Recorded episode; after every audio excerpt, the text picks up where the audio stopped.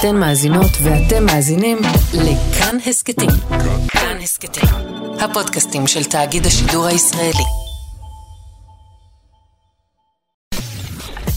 אתן מאזינות ואתם מאזינים לכאן הסכתים. כאן הסכתים, הפודקאסטים של תאגיד השידור הישראלי.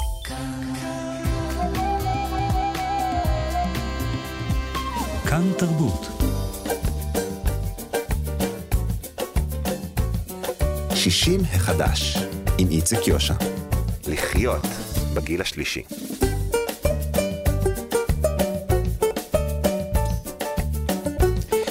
שלום, שלום לכם מאזינות ומאזיני כאן תרבות. אנחנו במהדורה השבועית של שישי מחדש. עוד מעט נספר לכם כאן על הנס והפלא שחולל בית המשפט כשחייב את המדינה להחזיר למעלה ממיליון שקלים לגמלאים ששילמו כסף שלא היו צריכים לשלם. נדבר גם עם השחקן רמי ברוך על שתי דמויות של זקנים שהוא מגלם בשתי הצגות במקביל. נדבר גם עם הדוקטור מרים מישורי, בת ה-91, שתספר לנו איך שומרים על חיוניות כל כך מלאה בגיל שלה. נדבר גם על ביטול קצבאות לגמלאים שעוזבים את הארץ ורוצים לגור בקרבת הילדים שלהם בחו"ל. נדבר גם עם יזם הייטק שכתב דוקטורט בגיל 72, 72, בבחינת לעולם לא מאוחר. נשמע גם על ההורמונים שמשתוללים או לא בגיל המבוגר, וגם אה, נדבר על ירידה בשמיעה, ובמועדון 70 פלוס נדבר על תערוכה. תערוכה חדשה על uh, הזמר מייק ברנט שתיפתח uh, במוזיאון העיר בחיפה. השירים בתוכנית לפיכך יהיו של מייק ברנט וגם של ליאונרד כהן שערב בוקר משיריו בהנחיית קובי מידן יתקיים בתיאטרון הבמה בגני תקווה. כל אלה ועוד ככל שנספיק בצוות היום שירי כץ, דניאל פולק, דרור רוטשטיין, אני איציק יושע, מתחילים. 60 החדש. המדינה... למכשירים יש חיים, וזה לא הורמונים, יש להם חיים עצמאיים, אבל אנחנו נטפל בהם. הכל בסדר. אז ככה, המדינה אה, תחזיר 100 מיליון אה, שקלים לגמלאים שרשות המיסים גבתה מהם אה, כסף בניגוד לחוק. ההחלטה המשמחת הזאת התקבלה לפני יותר משבוע בהסכם פשרה שאושר בבית המשפט המחוזי על ידי השופט אבי גורמן. אה, על פי ההסכם הזה, רשות המיסים תחזיר 100 מיליון שקלים, לא פחות, אולי אפילו קצת יותר, לגמלאים שנגבה מהם מס שלא כחוק במשך שמונה שנים. אה, נזכיר, נבהיר, אה, עוד מעט אנחנו נרחיב על זה כמובן עם האורחת הראשונה שלנו, אבל רק נאמר שמדובר בגביית מס בניגוד לתיקון 190 שמרבים לדבר עליו בשנים האחרונות ביחס להטבות אה, לגמלאים. אם רוצים, גם זה סיפור של התעמרות ביורוקרטית של המדינה בגמלאים תמימי דרך, שמדינת ישראל, אה, לצערנו, פעם אחר פעם יודעת לדרוס. נכון, לא רק את הגמלאים, אבל אנחנו אה, בעד הגמלאים בתוכנית הזאת. אז כדי להבין יותר את אה, תולדות התביעה והתוצאות המצוינות אה, שלה, הזמנו את אה, עורכת הדין נאוה האנס, שהיא אה, מומחית לעבירות מס. שלום נאוה. שלום רב. בעצם לא מדובר בגבייה שלא כחוק, אלא באי מתן פטור בגלל איזו פרוצדורה שלא כתובה בחוק, נכון? אה, אפשר להגיד שני הדברים כאחד נכונים. אוקיי. אה, כן, טוב, עורכת דין, אתה יודע. אה, ראשית, המדינה נתנה הטבה שקצבה מסוימת עד סכום מסוים יהיה פטור ממס. מנגנון הגבייה של המדינה זה ניכוי מס במקור, שזה מנגנון שאמור להקל על הגבייה. זאת אומרת שמי שנותן את הקצבה צריך לנקות מס, מה, כמו שאנחנו, כשאנחנו עובדים במקום עבודה כשכירים, מנקים לנו מס מהשכר, המעביד מנקה לנו, והמס הזה מועבר למדינה. מה שקרה כאן זה אה, גבו את המס, המעסיקים בעצם ניקו את המס, והמדינה לקחה אותו היות וזה הגיע אליה. מה שהמדינה כאן דרשה, רשות המיסים, זה למלא איזה פרוצדורה. הפרוצדורה הייתה להגיע לפקיד שומה, כל גמלאי להגיע לפקיד שומה, ולבקש אישור פטור על ניכוי מס במקור. וכך יצא שקצבה פטורה אה, בעצם אה, לא הייתה פטורה. איך זה קורה דבר כזה? אה, חלק מההנחיות, תראה, בתיקון 190 בעצם בא בשנת 2012 ודובר עליו באמת רבות, ללכת לקראת הגמלאים, ובצדק רב. משרד האוצר יזם את זה, יוזמה מבורכת. העניין הוא רגע, ש... רגע, לפני שאת מרחיבה, בכל זאת דיברו הרבה על 190, אבל אני לא בטוח שכולם ממש מבינים את המשמעות של התיקון הזה. אז אולי ככה באיזה משפט או שניים אה, תרחיבי עליו. תיקון 190 בא לעזור בעצם לאוכלוסייה המתבגרת, לגמלאים, שיהיה להם יותר כסף פנוי אה, לחיות אה, ברמת חיים טובה יותר. ולכן פטרו מתשלום מס יותר כספים. ב-2016 לצורך העניין זה יתבטא ב-1,170 שקלים. לחודש. תעשו חישוב שנתי, זה בסביבות 14,000 ש"ח. מה זאת אומרת 1,070 שקלים לחודש אה, עוד פטור? עוד הכנסה פטורה שלא צריך לשלם עליה מס. אוקיי. אז מבחינתנו, מבחינת הגמלאים, זו הכנסה בעצם נוספת של 1,170 שקלים.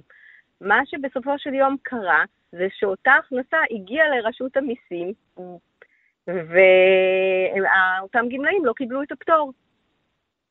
וכל זה למה? כי מה, הם לא, לא מילאו טופס? נכון. זה לא רק למלא טופס, זה פרוצדורה שאתה אמור להגיע לפקיד שומה, כל uh, גמלאי אמור להגיע לפקיד השומה, ולבצע, לענות על כל מיני שאלות, ואז רק אם הוא מציג את זה למשלם הקצבה, uh, אז הוא יקבל את הפטור. והגמלאים בעצם לא יודעים את הפרוצדורה הזאת, נכון? זה גם סוגיה מאוד, תלוי מי, ה, מי נותן את הקצבה. חלק ממשלמי הקצבאות כנראה ידעו את, ה, את אותם אנשים, וחלק לא. ולכן אה, מרבית האנשים לא מכירים את זה, או שגם אם הכירו, אולי לא רצו להתקשקש וללכת לרשות, כי זה לוקח הרבה זמן. זה לא פעולה ידידותית. הבנתי.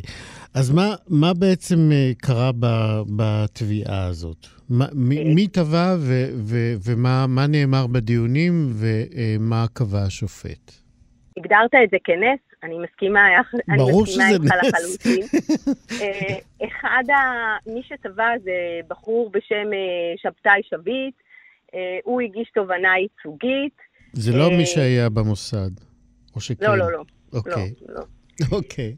לא שאני יודעת, אוקיי. אבל הוא הגיש את בקשת התביעה, ובסופו של יום המדינה הגיעה לפשרה. הסכם הפשרה אושר על ידי השופט. מה הוא טען בתביעה? מה, רגע, את רצה מהר מדי, נאוה. אנחנו רוצים להבין, אנחנו רוצים ליהנות קצת מהתביעה הזאת, זה לא... אה, אוקיי, אפשר ליהנות וצריך ליהנות, כן? כולם נהנים. אז בואי תגידי מה שבתאי אמר, איך השופט הגיב, איך הגיעו לפשרה? התובנה הייצוגית הוגשה בגין הקצבאות שלא, שנוכה בעבורם אה, מס במקור, ולמעשה המדינה מחזיקה בכסף שלא כדין, כי זה כסף ששייך לגמלאים ולא כסף ששייך למדינה. אוקיי, okay, זה מה ששבתאי ו... טען. כן, והכסף הזה בסופו של דבר הגיע חזרה. לא, אבל מה המדינה אמרה? מה המדינה לא, אמרה? לא, המדינה הסכימה שהייתה כאן, שחלה כאן טעות. אה, ושהם יחזירו את הכסף. תגידי, אין, אין מנגנון ב, ברשות המיסים שמסתכל ואומר, רגע, פה אנחנו לקחנו כסף שלא שייך לנו, בואו נחזיר אותו, למה צריך ללכת לבית משפט? אין מנגנון כזה, נכון?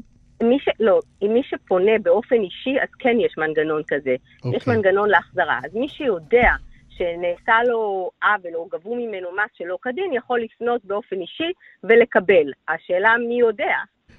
לא, אני, אני אומר, נגיד רשות המיסים, אז היא ראתה שיש המון המון גמלאים לאורך השנים שלא מקבלים את הפטור הזה, שהיא מודעת לו ויודעת על קיומו, אה, אבל איש ברשות המיסים לא טרח לבוא ולגמלאים האלה ולהגיד, תשמעו, יש כאן כסף שלכם שהוא לא שלנו, אבל אם לא תמלאו 1, 2, 3, אנחנו לא נוכל לתת לכם אותו. הם לא עשו את הדבר הזה. הם לא עשו את הדבר הזה, כי ככל הנראה לא שמו לב לזה, זה לא נעשה במזיד, זה נעשה מן הסתם, הרשות לא ידעה, כי ברגע שהבינו שנעשה טעות, אז בעצם אה, אמרו שיחזירו. השאלה הייתה בתובנה ייצוגית, השאלה כמה להחזיר, כמה שנים, אה, מי האוכלוסייה שנכנסת באותה, אה, באותה תביעה, זה לא בן אדם אחד. בן אדם אחד יכול לתבוע ולקבל, אין כאן בעיה. Mm-hmm. העניין הוא שמי, וזה הסוד של התובענה הייצוגית, וזה בעצם אחד הכלים הכי טובים שיש, כי במקרה הזה, אנשים שלא ידעו מזכותם, היום יקבלו את הכסף. או לא היום, תוך 45 ימים יפנו אה, לעשרת אלפים אנשים, ומי אז זהו. זה, כן, זה מה שרציתי לדעת. האם עכשיו רשות המיסים אה, אה, בעצמה ת, תאתר את אותם אנשים שלא אה, קיבלו את הכסף שלהם ותפנה אליהם ותחזיר להם את הכסף, או ששוב קוראים לאנשים לפנות, למלא טפסים, לרוץ, לחזור? אז לא. אז חלק מהמנגנון שהגיעו אליו וש- ושהשופט אבי גורמן אישר, זה שהמדינה אה, תפנה לאותם עשרת אלפים האנשים הנטענים, תשלח להם מכתבים. אם המכתבים לא יענו, חלק מהמכתבים ישלחו, אם המכתבים לא יענו, היא תאתר מי לא ענה, ותפנה אליו טלפונית. זאת אומרת, המדינה כאן באופן אקטיבי, וזה אחד הדברים הגדולים שהשופט אה, אבי גורמן השיג, המדינה תהיה אקטיבית באיתור אותם אנשים שזכאים. הוא לא השאיר להם פתח מילוט מביצוע לא. ההחלטה. כן. הוא גם קבע לוחות זמנים מאוד ברורים, שהלוחות זמנים האלה, תוך 45 ימים, יחזרו אליו, יגידו למי, למי התקשרו, למי לא התקשרו, מי... המטרה כאן לאתר את כל אותם אנשים. ולגבי הטופס, למלא, אז הוא בחר, והרשות הציגה טופס שהוא קל למילוי. זאת אומרת שאצל משלמי הקצבאות, הצהרה קצרה, אה, שיתקל עליהם מאוד ותאפשר להם לקבל את הכסף. הנכסף. יפה. אז יש איזו הערכה לגבי מספר האנשים שהולכים ליהנות מה... מפסק הדין הזה? בסביבות עשרת אלפים איש, זה האנשים שאליהם פנו. זאת אומרת, עשרת אלפים איש יקבלו כסף שהגיע אליהם במשך שמונה שנים, זה סכומים גדולים, לא? נכון. כמה זה יוצא בערך לבן אדם? עוד פעם, זה תלוי, זה סוג הקצבה, כמה Mm. כסף, כמה אה, כן. כסף פטור, אבל זה סכומים גבוהים, לכן גם הסכום שבעצם המדינה התחייבה להחזיר. כן. טוב, אה, אנחנו שמחים על פסק הדין הזה, אנחנו שמחים על, אה, על השופט, בוא נגיד שוב את שמו, אבי גורמן, שעשה צדק עם הרבה מאוד גמלאים ויחזיר אליהם את הכסף. עורכת הדין נאוה מנס, תודה רבה שדיברת איתנו. תודה לך. להתראות. 60 החדש. עכשיו אנחנו עם אה, אישה, אה, יש לנו כאן איזושהי תקלה עם, ה, עם הקונסולה, אה, היא נכנסת, היא מכניסה שירים, מנגנת אותם על דעת עצמה. זה תמיד שמח לגלות שהמכשירים יש להם חיים משל עצמם. דרור הוא הטכנאי והוא בטח עוד מעט אה, יטפל בזה. אז זהו, עכשיו אנחנו עם אה, אישה שכל כולה בעצם היא דוגמה ומופת לחיים מלאי אושר ותוכן ועניין וסקרנות ממש אה, פנומנלית, שרק הולכים ומשתבחים ככל שהיא עולה בשנים. מדובר בדוקטור מרים מישורי, שהיא רופאת עיניים מהוותיקות בישראל. אני בקושי שומעת. אה, אנחנו מיד, גם דחך דרור יעזור, מרים. אני רק אה, אה, אסיים לספר עלייך קצת, ואז אני אפנה אלייך. בכל מקרה, אמרתי שאת רופאת שיניים, עיניים, סליחה, מהוותיקות בישראל, שאת מומחית, בעלת שם בתחום, אולי אפילו הוותיקה ביותר בישראל. את לא יודעים, הייתי, הספקת להיות עתודאית בצה"ל, אבל גם הספקת... לא, לא, לא הצלחתי להיות עתודאית. בדיוק, בדיוק. בצה"ל. הספקת להיות עתודאית על ה... כמעט על הנייר, אבל אה, אה, עוד מעט תספרי לנו למה בעצם לא היית בסוף. אה, ואנחנו בעצם, אני רוצה עוד לספר למאזינים שלפני שבועות אחדים את אפילו הפקת איזה פגישת מחזור, מעין פגישת מחזור עם החברים הצעירים שלך, בני ה-70 פלוס, אה, שלמדו איתך באוניברסיטה בהולנד, שאת אה, משכימה לשחות כל בוקר, אה, ובכלל את אישה מעוררת התפעלות. אז זהו, עכשיו אנחנו יכולים להגיד לך שלום, דוקטור מרים מישורי באופן רשמי. מה שלומך הבוקר? תודה רבה. כמה שחית היום? לא שחיתי, אני מבריאה מקורונה. אה, ו- ו- ומה, ומי שמבריא ממחלים מקורונה, נאסר עליו לשחות? לא נאסר, אבל אין כוח. אז הבנתי. היום כבר לפחות עשיתי טיול רגלי נחמד, אבל חזרתי על ארבע. כי הקורונה לוקחת את הכוחות. הבנתי. אוקיי, אז תנוחי, ובקרוב תוכלי לחזור אה, לפעילויות. הרגילות. אני מבטיחה. כן. אז בוא- בואי קחי אותנו ככה קצת אחורה. מתי עלית לארץ? מתי? עלית לישראל. עליתי לישראל ב-10 לאפריל 1939. מהמם, הייתי בת שבע ומשהו. ואיפה גדלת? וגדלתי בתל אביב. ואז אמרנו, אה, אנחנו מדלגים ככה מהר בשנים, אה, הגעת אה, לגיל אה, 18, כבר הייתה מדינה, בעצם ממש מדינה בחיתולים. כן. ואת התכוונת להגיע ללימודים כעתודאית. מה התכוונת ללמוד? התכוונתי ללמוד רפואה. כשהייתי בבת 12, הגיע אלינו סגן אלוף, שזו הייתה אז דרגה כמעט בשמיים, מאז עליו היה רק אלוף ורב אלוף, והציע את התעודה האקדמית, עד אז היא לא הייתה עוד בכלל. כן. ושאלו מי רוצה, אז הצבעתי. ושאלו מי רוצה משפטים, ו- ו- מי רוצה רפואה, הצבעתי. ונבחרת. ואז עברתי כל מיני, בינתיים הייתי פקידה במטכ"ל, ועברתי מדי פעם כל מיני מבחנים. באותו זמן אחותי גם היא שירתה במטכ"ל. היא הייתה בלשכת ראש אכ"א. אוקיי. טיפ של ראש אכ"א היה עליה את הצריף של הרמטכ"ל. המזכירה של הרמטכ"ל הייתה חברה של אחותי. אז יום אחד היא אומרת לה, מזל טוב, אחותך ברשימת החמש עשרה שהתקבלו, רק החתימה של הרמטכ"ל חסרה. אוקיי. ואז הרמטכ"ל יגאל ידין, בלי להניד עפעף, מחק את הבנות. במודע גם אמרו לכם, אה, מוחקים אתכם רק בגלל שאתם בנות? לא אמרו שום דבר, פשוט מחקו. איך הגבת לזה? הייתי בייאוש גדול, ואיך ככה מוחקים היות ואני אישה,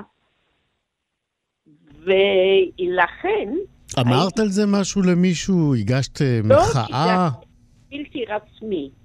זה נודע כי המזכירה דיברה עם אחותי. זה לא היה משהו רשמי.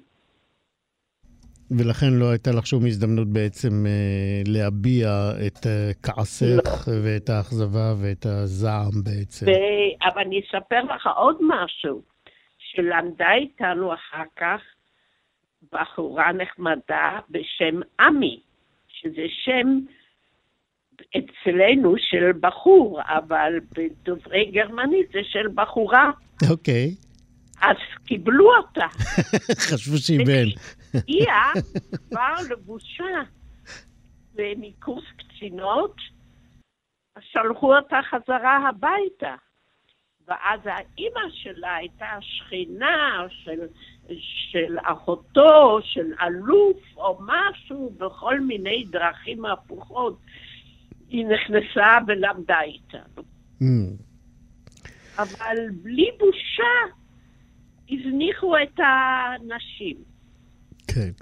אמרתי שבסוף את אה, היית אה, רופאה של חיל האוויר, כאילו לא ויתרת. אני לא ויתרתי, אני, אבל מה כן ויתרתי? פחדתי מהתחרות להתקבל בבית ספר לרפואה. חשבתי, יעשו אותו דבר, שוב פעם יגידו בלי בנות. ובאמת מספר הבנות שלמדו איתנו היה זעיר, כמעט אה, עשרה אחוז, לא יותר, חמש עשרה אחוז. אוקיי. והייתה הזדמנות להתחיל ללמוד בהולנד, אז עשיתי את זה, וכעבור שלוש שנים הלימודים איכשהו הגבילו, והיו לי ציונים טובים, אז קיבלו אותי בירושלים. כמה זמן למדת בהולנד? שלוש שנים. ובירושלים עשית את ההשלמות. בירושלים עשיתי את ההשלמות, כן. ותמיד היה ברור לך שאת הולכת להיות רופאת עיניים? בכלל לא. אה, את העיניים דחף אותי ידיד שלי טוב, שלדאבוננו לא הספיק להיות רופא עיניים, הוא היה בצנחנים ונהרג באימונים, והוא אמר לי, לכי לרפואת עיניים, זה מקצוע שתוכלי לעשות רפואה טובה גם בלי להיות קשורה בבית חולים. את לא, את לא תלויה במעבדות. ועשיתי את זה. פשוט בגלל ההמלצה שלו. אגב, יצא לך לפגוש את אה, יגאל ידין אה, כרופאה ולהגיד לו, זאת אני לא, שלא רצית. לא יצא- מה? לא יצא לי, לא יצא לי. אוקיי, אה, בוא- בואי נלך הלאה. אני שמעתי גם שהמון המון מהפציינטים שלך לאורך השנים, אפשר להגיד אה, עשרות, הפכו לחתני וכלות פרס ישראל, זה נכון? נכון, לא בכוונה. כאילו, מה, יש בטיפול שלך שמביא אנשים לפרס ישראל? לא. יש לי איזה למעלה מ-30 פציינטים שקיבלו את פרס ישראל. למעלה משלושים? אני חושבת, כן. מותר לך להגיד שמות? אני אגיד לך שמות, אני לא יודעת אם מותר, זה שייך לסודיות הרפואית. אז לא. אז אנחנו לא. אנחנו נוותר, אבל אנחנו מאמינים לך ש-30 פציינטים שלך לאורך השנים זכו בפרס ישראל. אה, אה, יוצא. אני- רואה את התור עכשיו מחוץ לקליניקה שלך. כן, מי שמתכונן לקבל.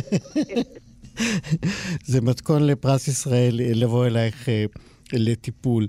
אה, אני אמרתי עוד בפתיחה שלי שאת ארגנת לעצמך בעצם סוג של איזה פגישת מחזור עם אותם חברים מהולנד. אה, זה ממש קרה לפני אה, כמה, חודש? זה לא חברים, זה כבר מעט מאוד נשארו. מעט מאוד. אני אה, נפגשתי עם שניים, ונפגשתי עם ילדים של חברים ממ, איפה זה, איפה התקיימה הפגישה? במסעדה. אבל... אבל לא אמרת באיזה ארץ. בהולנד. אה, אוקיי. אני עכשיו זה עתה חזרתי מביקור בהולנד. אה, חברה שלי הזמינה אותי לנסוע איתה לראות את תערוכת הפרחים המפורסם בקויקנהוף, חברתך שלומית. ובשבילי הי- הייתה סיבה למסיבה. לבקר שוב בהולנד. ספרי לנו איך היה המפגש עם החברים, לא ראית אותם היה כמה, המון מאוד שנים. מרגש.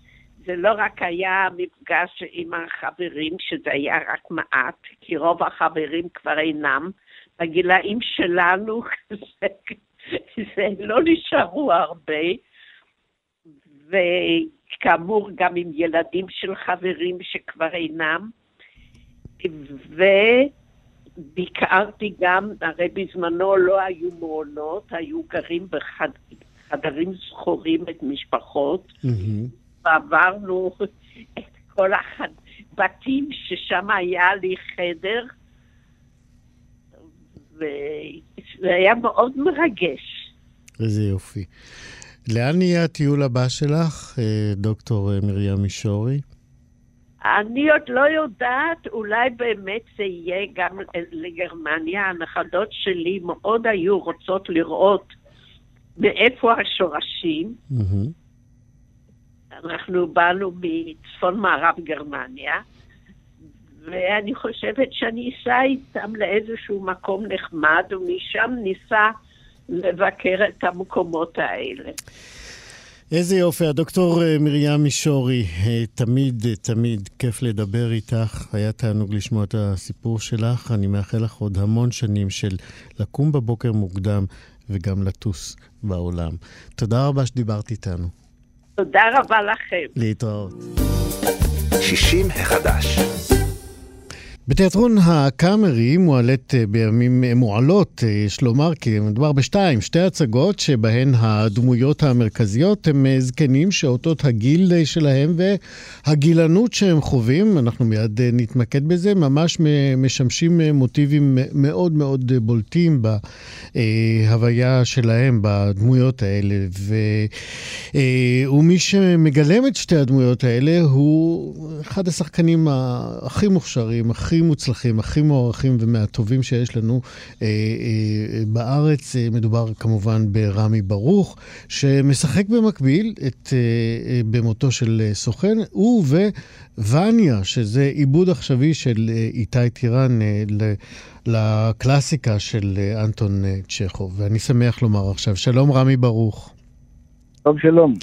שלפנו אותך מהחזרות, נכון? ממש ככה. בחזרות, איך הולך? הולך יופי.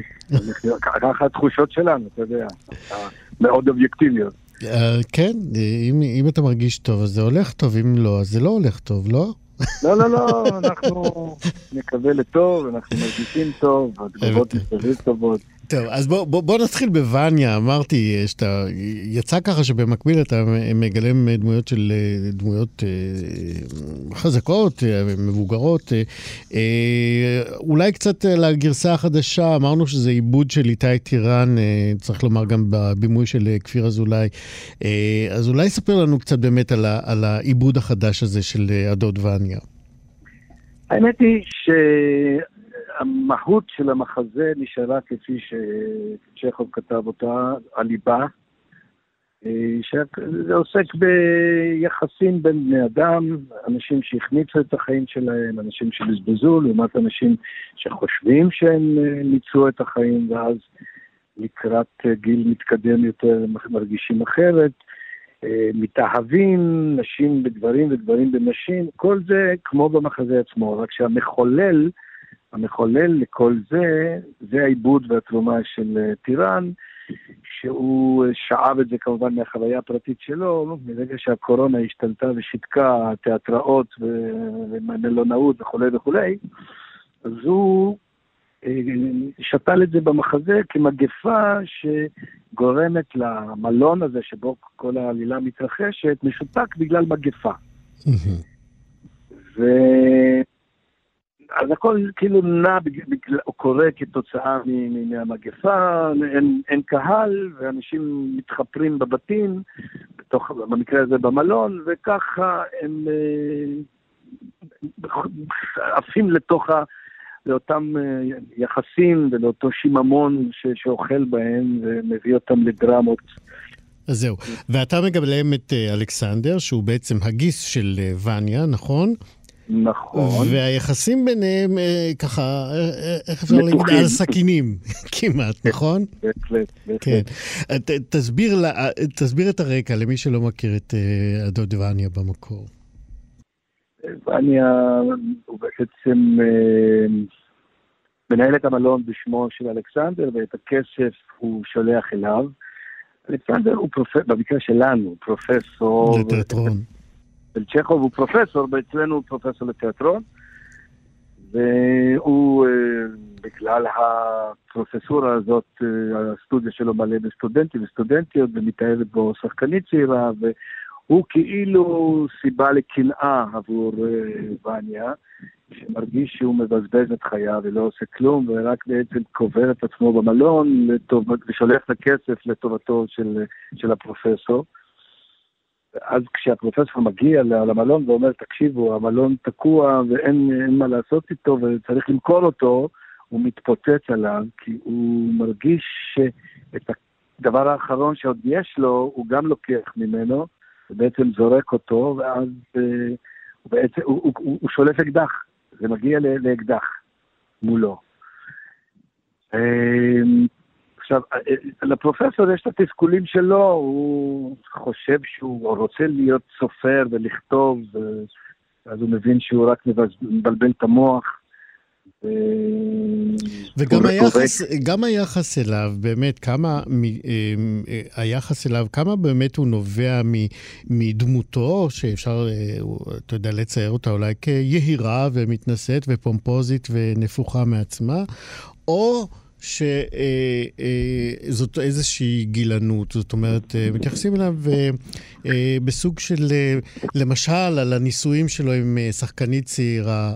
נכון. כן, מה פתאום, איך יכול להיות? כן. כן, מקנאים בו.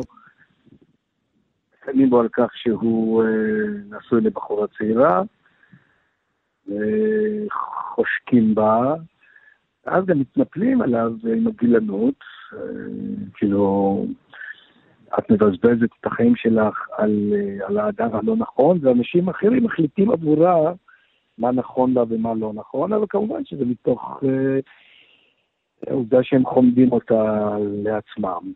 אם זה וניה ואם זה אסטרו והרופא, שגם הוא אה, אמנם... אה, עכשיו, אה, גם היא לא תמימה, גם, גם אצלה יש איזשהו תהליך של התייסרות מול הבחירה שהיא עשתה בזמנו. מול הפרופסור, ועכשיו היא מצד אחד קרועה בין הקשר הזה שהיא מחויבת לו, ומצד שני היא מרגישה שהיא מבזבזת את חייה, גם היא, והכל מסתבך. ולזה יש תיאטרון, אנחנו נפתור לכם את זה, יהיה יותר פשוט באולם מאשר ברדיו. אה, בוא נעבור למותו של סוכן, אה, גם כן. שם אתה אה, מגלם דמות של זקן. אילן. כן. ספר לנו עליו. כן, במיוחד לא היום, כן? אה, הוא בין ה-60 ל-70.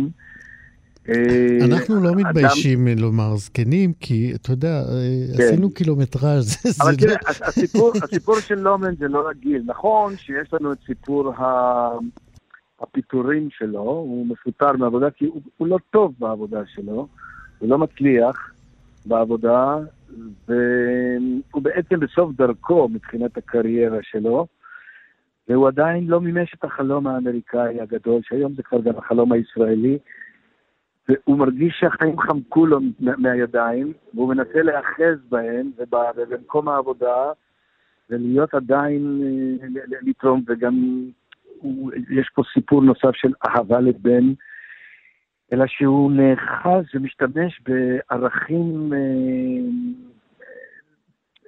שלא לא עובדים, לא עובדים, הוא, הוא לא דוגל באמת. המרוץ הזה אחרי הגשמת החלום אה, גורמת לו להיות שקרן ולגדל ילדים בריונים ושקרנים. ובית שלם שנע סביב שקר וזיוף. וכל הזיוף הזה בסופו של דבר מתנפץ לכל המשפחה הזאת על הראש, ומייצר uh, טרגדיה, כן, בסופו של דבר, בגלל חוסר נכון, עיוורון. יודע, בדרך כלל גיבורים טרגיים uh, גם עיוורים. וזה גם יש את זה לווילי לומן, הגיבור של ארתור מילר. כן. Uh, כמו גם לאלכסנדר קצת. כן, גם, גם אלכסנדר, למרות ש... תראה, האמת היא שאלכסנדר, בין כל החולמים שם, הוא האדם הכי מפוכח. הוא בעצם הכי מעשי, הוא גם אומר להם, רבותיי, בחיים עלינו להיות אנשי מעשה. ולעומת זאת, ווילי לומן הוא לא איש מעשה, והוא מביא את הסוף על עצמו. הוא מביא, הוא מביא את הסוף על עצמו, אה, בכל הדרך הטלטולת הזאת, אתה יודע, יש שם צ'ארלי שמציע לו עבודה במקום לתת לו נדבות, והוא אומר לו, אני לא יכול לעבוד אצלך, זה הכל בגלל גאווה. בגלל שהוא השכן שלו, ואני לא יכול כן. לעבוד אצלך. כן. זאת אומרת, הוא דוחה גם הצעות לעזרה אמיתית, הוא מעדיף את הפתרון המזויף. כן. אה, לקראת uh, סיום, uh, רמי ברוך, לצערי אנחנו צריכים לסיים עוד מעט, אני, אני, אני רוצה לשאול אותך שאלה שתמיד מעסיקה אותי, אני בטוח שמעסיקה עוד הרבה מאוד אנשים, כשאנחנו שומרים על שחקנים נורא עסוקים כמוך, למשל, שמשחקים ב... Uh, לפחות שתי הצגות במקביל, אתה משחק בעוד הצגה במקביל? ימים אחדים של מאיר שלו וחנן שניר בליאן. יפה. איך איך לא מתבלבלים בטקסטים של ההצגה אה, הזו אה, להצגה אה. אחרת?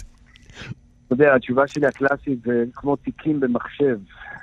אתה פותח תיק, ממלא אותו לאט לאט בדפים, כן. ואז אתה פותח, אתה צריך רק לפתוח את התיקייה הנכונה, אין סיכוי שתתבלבל. אלא אם כן יש קריסה, יש איזו הפסקת חשמל והמחשב קרס, אז אוקיי, שאלוהים יעזור. קרה לך? קרה לך? אה, היה, היה מקרה אחד אה, ככה דרמטי ב, ביאגו, באוטלו, שממש ירד המתג, אני עזבתי את הבמה. עזבתי את הבמה כדי לעשות איתחול מחדש למוח. פשוט וחזרתי התערבבו לך הטקסטים של כל ההצגות. לא, נעלם, נעלם. נ- יותר נעלם. גרוע. נהיה חושך, חושך. וואו. טוב, אבל, כמה אה, מהר זמן- כמה זמן. היית צריך בשביל אה, לעשות את הריסטארט הזה? אני חושב שדקה הייתי שם בחוץ, דקה Mm. זה המון זמן מבחינת במה, אבל בטח. הייתי שם דקה, חזרתי לעצמי. אבל האמת היא, זו הפעם הראשונה היחידה עד כה בחיי. שלא. תחזור, אנחנו מאחלים לך שלא תחזור. רמי ברוך, הכוכב של תודה. וניה ומותו של סוכן, תודה רבה שדיברת איתנו. אתה מוזמן. לחזור מהר לחזרה. תודה רבה. להתראות. ואתם מוזמנים לקאמרי. להתראות. בהחלט, זה מה שאנחנו. נעשה.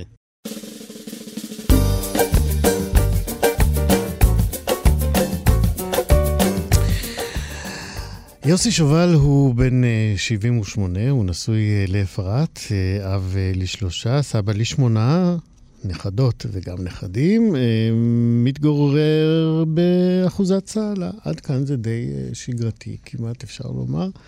אבל אנחנו נמשיך. ליוסי יש כמה תארים בהיסטוריה. אה, אביו נרצח ב-1956, הוא היה נער אז. אה, במהלך השנים הוא עבד אה, במשרד התיירות, ובגיל אה, 54 הוא התחיל לעבוד בענקית הטכנולוגיה העילית אינטל. בגיל 67 הוא פרש, כמו רבים מאיתנו, ומכאן הוא בעצם, הוא המשיך לתקופת חיים לא פחות שוקקת, ואפילו עבד על הדוקטורט שלו, וגם השלים אותו. גם הנושא שהוא בחר הוא בתחום די פופולרי, אבל מזווית שממש לא נכתב עליו באופן מעמיק עד היום. אנחנו מדברים על ההיסטוריה של ההייטק הישראלי, וזאת סיבה מצוינת להגיד שלום לדוקטור יוסי שובל. שלום רב לך. מה שלומך? אה, מצוין. מתי הבנת שצריך בעצם אה, לכתוב את ההיסטוריה של ההייטק הישראלי? אה, אני התגלגלתי אחרי שירות במשרד התיירות ועבודה בהדסה לאינטל, חברת אה, ההייטק הגדולה בישראל, שם עבדתי 13 שנה. כששקלתי לכתוב דוקטורט, היו לי תוכניות מפוארות, אבל המנחה שלי אמר, הבט, אתה למדת היסטוריה, עבדת באינטל, למה לא תכתוב על תולדות ההייטק? אף אחד לא כתב, אה, נאמר, מן הזווית ההיסטורית, איך זה התחיל, איך זה התפתח. היום כולם יודעים שכדאי לעשות, אה, להקים סטארט-אפ ולעשות אקזיט ולהיות מיליונר, אבל איך הדבר הזה צמח? מה המקורות שלו? אז הנה פה, אה, גלה לנו, מאיפה הוא אה, צמח? הסוד, הסוד הוא פשוט מאוד. אה, זאת מדינה של מהגרים, אין לה היסטוריה ארוכה יותר מ-74 שנה, לפחות פורמלית. היתרון הגדול שלה על מדינות אחרות דומות לה, וגם גדולות ממנה, היו ההקמה של הטכניון, שהתחיל ללמד ב-1924, והאוניברסיטה העברית בירושלים, שהתחילה ללמד ב-1925. ושם הצטבר, הצטברה כמות אה, יפה והייתי אומר אפילו אה, נפלאה של אה, ידע שהביאו איתם אה, העולים, הרי זאת מדינה של מהגרים, מתי שלא מסתכלים. והיה ידע תיאורטי עצום ורב, ומה אפשר לעשות? אין לנו תעשייה כבדה, ואנחנו צריכים uh, תעשייה. יש, אנחנו גם מוקפים אויבים, ובן גוריון המנוח אמר שאנחנו ננצח בכוח השכל, בכוח המוח. והסתבר שמוח היה לנו, אילתור היה לנו, מרפקנות הייתה לנו, חוצפה הייתה לנו, ראה איך אנחנו נוהגים אה, בכבישים. ואת כל הדבר הזה, אם מניחים... אתה קורא לזה חוצפה לאיך שנוהגים בכבישים? אני... לא, הייתי קורא לזה אילתור. אה, אתה אתה אדום, אתה ממשיך בסלחנות. כן, אני אומר אור אדום הוא המלצה בלבד, כן, וכולי, ואנחנו עוקפים מימין ועוקפים משמאל, שזה בנהיגה זה פשע. כשזה בסטארט-אפ, זה יכול להביא לתוצאה אה, גאונית. כך למשל דבר קטן כמו Waze, או המצאה מדהימה כמו דיסק און קי של דוב מורן, שאתה כן. לוקח מאות עמודים ומעלה אותם על, אה, על דיסק אה, אה, שאתה יכול להכניס לכיס. אלו דברים, אלו דברים שבמדינות גדולות ומפוארות מאיתנו, גרמניה, בריטניה, צרפת, לא הגיעו אליהן. כן. כי ו- אין ול- חוצפה במקומות האלו, בגרמניה אין חוצפה, וגם בבריטניה אין חוצפה. כן. יש מסורת. כאן אין מסורת. זאת אומרת, אני לא מדבר על מסורת דתית, אבל מסורת אה, חילונית במובן הפשוט, כן. אין. ואת הסיבות האלה אתה מונה, ב... מנית בעבודת הדוקטורט שלך כ... כמחוללות אה, ה... שלושה, כן. אני בדקתי, הלכתי לפי מודל שאומר שהתעשייה, הממשלה והאקדמיה, השילוב ביניהם הוא שילוב מנצח. עכשיו צריך לזכור שבמדינת ישראל הממשלות לדורותיהן עשו פעולות שלא עשו בשום מקום אחר בעולם. למשל תעשיית הון סיכון.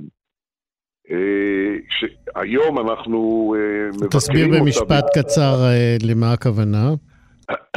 הבנקים אה, לא רצו או לא יכלו לממן את הרעיונות הנפלאים של הסטארט-אפיסטים. אז היה צריך להקים מכניזם של גוף שיוכל לממן ויראה בזה גם ברכה, כי בסוף המימון יש אקזיט. אקזיט אומרת אפשר לממש את המימון. והרבה אנשים טובים בארץ ישראל התעשרו, כי הם השקיעו אה, בסטארט-אפים. כמו ראש הממשלה. סיכון. אה, למשל ראש הממשלה, למשל כן. ברקת, ניר ברקת. ו- ורבים אה, אחרים, הרשימה לשמחתנו הרשימה אה, גדולה. ארוכה מלהכיל. הרשימה ארוכה מלהכיל. עכשיו, הון סיכון לא היה קיים בארץ ישראל, חברות הון סיכון מחוץ לארץ לא היו מוכנות להשקיע, הבנקים לא היו מוכנים, ואז הממשלה יצרה מכניזם שהקים עשר חברות הון סיכון תוך זמן קצר מאוד, ונתנו להם מענקים והלוואות כדי לקום, שהם החזירו במהירות אה, לממשלה כי הם עשו חיל. אז זאת תעשייה שהממשלה הקימה ותמכה ב- בהייטק. דבר נפלא אחר. שכדי שהסטארט-אפים יתקיימו, משרד המסחר והתעשייה, כך קראו לו אז, היום אני חושב שקוראים לו משרד הכלכלה, חלק אה, ממנו, כן. המשרד הזה התחיל לתת אה, מענקים והלוואות לחברות הסטארט-אפ אה, למיניהן. על פי החוק, אה, על פי חוק שיצרו, בזמנו יצר חבר הכנסת אה, גד יעקבי, כן. בתוך זמן קצר, מ-300 סטארט-אפים ל-3,000 סטארט-אפים. כן. דוקטור מי- יוסי שובל, אנחנו צריכים לקצר קצת, אני רוצה להספיק לשאול אותך עוד אוקיי, כמה אתה- שאלות. אתה תכוון. כן, אה, אני, אני רוצה לדבר איתך קצת על המעבר. אתה בעצם הגעת להייטק בכלל מ- ממקומות שאולי הם אה, לא שייכים בכלל להייטק, היית במשרד התיירות. אין לי שום רקע בהנדסה, כן. אין לי שום הבנה ב- בהייטק. מהמם. אני, כפי שאתה רואה, לפי ההיסטוריה, לפי ה-CV שלי, קורות חיי, למדתי היסטוריה והייתי עובד מדינה. מהמם. בעצם. הת- התגלגלתי לחברת אה, אינטל די במקרה, אה, בתקופה שאינטל קיבלה מענקים גדולים ועצומים מממשלת ישראל, מהמם. והדבר הזה עורר גל ביקורת אה, נכבד מאוד. שאנחנו לא ניכנס אליו, אבל חיפשה- זה בעצם מוביל אותך לכתיבת אה, אה, עבודת הדוקטור שלך על תחום באמת שלא היה קרוב אליך הרבה מאוד שנים. אמת, איך באמת אמת. אה, אה, אה, היו התגובות לזה ש... א', אתה עושה דוקטורט בגיל 72, 72, אה, ו- ועל הנושא, על בחירת הנושא כבר דיברנו, אבל איך באמת אה, התייחסו אליך כאל דוקטורנט אה, צעיר בן 72? אה, המילה צעיר היא, היא נכונה. הייתי צעיר במובן של אה, עושה דוקטורט. יש לי חדשות בטקס- בשבילך, גם היום אתה צעיר. זהו, אבל בטקס, בטקס חלוקת התארים כן. באוניברסיטה העברית, באמפיתיאטרון, הסתכלתי סביבי ונראיתי לי לעצמי אה, די מבוגר. אה, לא, לומר, לא לומר יותר מזה, אני לא חושב שהיה מישהו יותר מבוגר ממני. ואיך הסתכלו, תראה, הלכתי לראיין את אה, אנשי תעשיית ההייטק, את היזמים הגדולים, נניח כמו עוזיה גליל, כמו דוב פרומן. אה, דן טולקובסקי, אה, האנשים האלו לא כתבו, הם עשו, ולא היה להם זמן או לא היה להם חשק לכתוב על מה שהם עשו. ולכן היה צריך קודם כל לראיין אותם פנים אל פנים כדי לשמוע מהם את תמצית תורתם. ודבר שני, חיפשתי במה שנקרא ב- ב- בחשיכה אה, למצוא פרטים, איך התחיל כל הדבר הזה.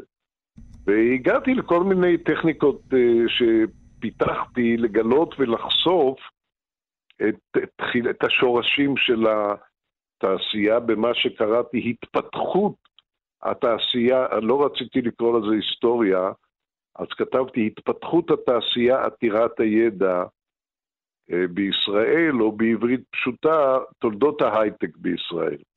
יפה, ואם אה, אנחנו רוצים אה, לקרוא את העבודה הזאת, איך אנחנו יכולים לשים עליה אז יד? זהו, העבודה יצאה, העבודה יצאה כספר, כמובן מקוצ...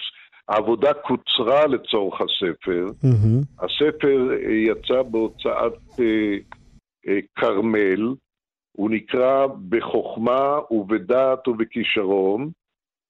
זה, אה, אלו האותיות הגדולות, והאותיות הקטנות, התפתחות התעשייה עתירת הידע. והספר יצא לפני, הייתי אומר, פחות משנה, ואפשר להשיג אותו או בהוצאת כרמל. או בח... בחנויות. הדוקטור יוסי שובל, אה, שמתעד את ההיסטוריה של ההייטק הישראלי, תודה רבה מאוד שדיברת איתנו, ואנחנו מאחלים לך עוד המון ספרים בתחום הזה ובתחומים אחרים. תודה רבה לך. להתראות. שישים החדש, עם איציק יושע. לחיות בגיל השלישי. תודה רבה שחזרתם אלינו, אנחנו בשעה השנייה, אנחנו נדבר עוד מעט על אה, הורמונים ונדבר על ירידה בשמיעה ונדבר על מייק ברנט אה, ונדבר גם על אה, קצבאות שהמדינה לוקחת לנו כי מתחשק לה. שישים החדש. אז זהו, אז עכשיו אנחנו נדבר על uh, פינה, נעיר uh, פינה קצת בעייתית ביחס המדינה uh, לגמלאים שבוחרים לגור למשל בקרבת בני משפחתם שחיים בחו"ל, לפעמים זה הילדים, לפעמים זה קרובים אחרים, או פשוט מעדיפים להעביר את חייהם הבוגרים, המבוגרים, הרחק מישראל. Uh, לא מעט ישראלים uh, גמלאים גילו שהמדינה פשוט מפסיקה להם, למשל, את קצבת הזקנה, אה, שהם היו חי... אה, זכאים לה אם אה, לו הם חיו בארץ. אה, למה זה קורה? אה, על פניו די מקומם. אז uh, תדעו שזו לא הקצבה היחידה שהם מפסיקים לשלם uh, כשעוזבים את ישראל, uh, וזה בדיוק העניין שאנחנו רוצים uh, uh, לנסות לשאול וגם לענות uh, עליו. עורך הדין uh, יעקב סספורטה עבד uh, בשנים uh, שנים ארוכות uh, במחלקה המשפטית של הביטוח הלאומי, והוא גם היה הממונה על uh, האמנות הבינלאומיות, וזה חשוב לענייננו זה. Uh, uh, ואיתו אנחנו אה, נרצה לדבר עכשיו. שלום עורך דין יעקב סספורטה. עורך דין יעקב סספורטה איתנו על הקו. שומע אותי? הלו? יעקב סספורטה שומע אותנו? כן, כן, עכשיו אני שומע. שלום, תודה רבה שאתה מצטרף אלינו. אה, אה, אני רוצה לשאול אותך באמת, למה מפסיקים, אה, אני הסברתי בפתיח שלי, אה, שאנשים מבוגרים שעקרו מישראל גילו פתאום, אה, שה, פתאום שהמדינה מפסיקה אה, לשלם להם את קצבת הזקנה שלהם. למה זה קורה? אני קודם כל אסביר, כאילו, שמעתי איזה חלק מהפתיח, שכאילו המדינה מנסה לא לשלם. ואני אומר, שצריך לעשות איזשהו צדק עם המדינה, כי זה לא בדיוק כך.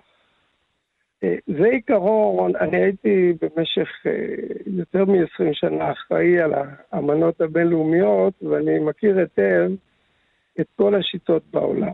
ויש עיקרון בינלאומי שכשאדם מפסיק להיות תושב, בנסיבות מסוימות, אז מפסיקים לייצא את הקצבה לחו"ל. עכשיו, בחוק הישראלי כתוב שאם אדם מפסיק להיות תושב, הוא נוסע לחו"ל ליותר משלושה חודשים, הם מפסיקים לו את הקצבה. אבל מנהלת המוסד קבעה עקרונות משלימים לדבר הזה, כדי לא לגרום למצב שאדם שהתחיל לקבל קצבה, פתאום מוצא את עצמו בלי קצבת זקנה. למשל, אדם שהוא היה מבוטח 25 שנה בארץ. מישהו התחיל לעבוד בגיל 30, והוא היה מבוטח עד גיל 55, ואז כשהוא הגיע לגיל זקנה, הוא התחיל לקבל קצבה. אם האדם הזה ייסע ליוון, ממשיכים לייצא לו את הקצבה, ממשיכים לשלם לו, לא מפסיקים. רק אנשים שהיו מבוטחים פחות מ-25 שנה, ואז הם התחילו לקבל, ונסעו לחו"ל. עכשיו, זאת אומרת, צריך... מש... כן, אנחנו כן. מיד נרחיב, רק כן. בואו נעשה הפסקת ביניים כזה להבהיר. זאת אומרת, מפסיקים את הקצבה לא לכולם באופן גורף, אלא למי שלא צברו מספיק שנות ביטוח, נכון? בדיוק, בדיוק. אם, אם אדם... זאת אומרת, אם עבדתי אה, בישראל ושילמתי ביטוח לאומי למעלה מ-25... 30 שנה ונסעת, אז... אה, 30 לא שנה, לא 25? לא, אמרתי, לא, זה כדוגמה, 25 שנה. אם היית מבוטח בישראל 25 שנה, אז לא מפסיקים. את הק... אה, אה, אתה תמשיך לקבל את הקצבה בחו"ל. אה, מתי בעצם אה, אה, כן ממשיכים לשלם את הקצבה הזאת, למרות שנגיד לא עברתי 25 שנה? אם אני מבין נכון, יש מספר מדינות, נדמה לי 13 מדינות, שישראל חתומה איתן על אמנה שכן מאפשרת את העברת הקצבה. נכון. ואיך באמת קרה שיש רק 13 מדינות שישראל חתומה איתן? וזה אתה יודע היטב, כי אתה היית הממונה כן, על כן. האמנות. כן. קודם כל... הארמנות זה משהו וולונטרי, זאת אומרת, אנחנו לא יכולים, אני כשעסקתי בנושא, כל שנה הייתי מגיש הצעות לפחות לעשר מדינות, בתקווה שחלק יסכימו. אז לרוב, אם הייתי פונה לעשר מדינות, אז אולי שתיים, שלוש, ואז זה, זה כן חתמנו על המנה. היום יש עם אוסטריה, אורוגוואי, איטליה, בולגריה, בלגיה, בריטניה, גרמניה, דנמרק, הולנד, נורבגיה, סלובקיה, פולין, פינלנד, צ'כיה, צרפת, רומניה, רוסיה, שוודיה ושווייץ. זאת אומרת, עם מרבית מדינות אה, המערב יש לנו אמנה. חוץ מיוון וקפריסין. יוון, תראה, יוון באופן היסטורי היו כמה פעמים שפנינו והם לא רצו לחתום על אמנה. אומרת, זו אחת המדינות שלא היו מעוניינות לחתום. מה הטיעונים עכשיו, שלהם היו נגד אה, חתימה על האמנה הזאת? המניעים, לפעמים היו גם מניעים פוליטיים, לא יודע, אני לא, לא יכול לדעת בדיוק, אבל הרבה מדינות, הייתה תקופה מסוימת שספרד לא, לא רצתה, פנינו הרבה פעמים, ועכשיו היא כן מעוניינת. איזה מדינה? הדברים, לא הבנתי את השם. ספרד. ספרד, אוקיי. אז יש מדינות שיש מכל מיני... המניעים לפעמים מדיניים, זה לא תמיד... אה, מדינות שהיחסים פחות טובים, אז הן לא רוצות. והדברים האלה הם דינמיים ומשתנים, בגלל זה אנחנו, כשהייתי במוסד ניסינו כל הזמן לפנות ולנסות. אז היום יש עם מרבית מדינות המערב, וכמעט עם כולם יש הסדר לגבי קצבת אה, אזרח ותיק, וזה היה קצבת זקנה. אה, אנחנו הגענו באמת לסיפור הזה בעקבות היחשפות שלי לקבוצות של ישראלים שגרות ביוון, ושם ראיתי שיש התארגנות כזאת לחתימה לאמנה גם עם יוון. איפה זה עומד כרגע?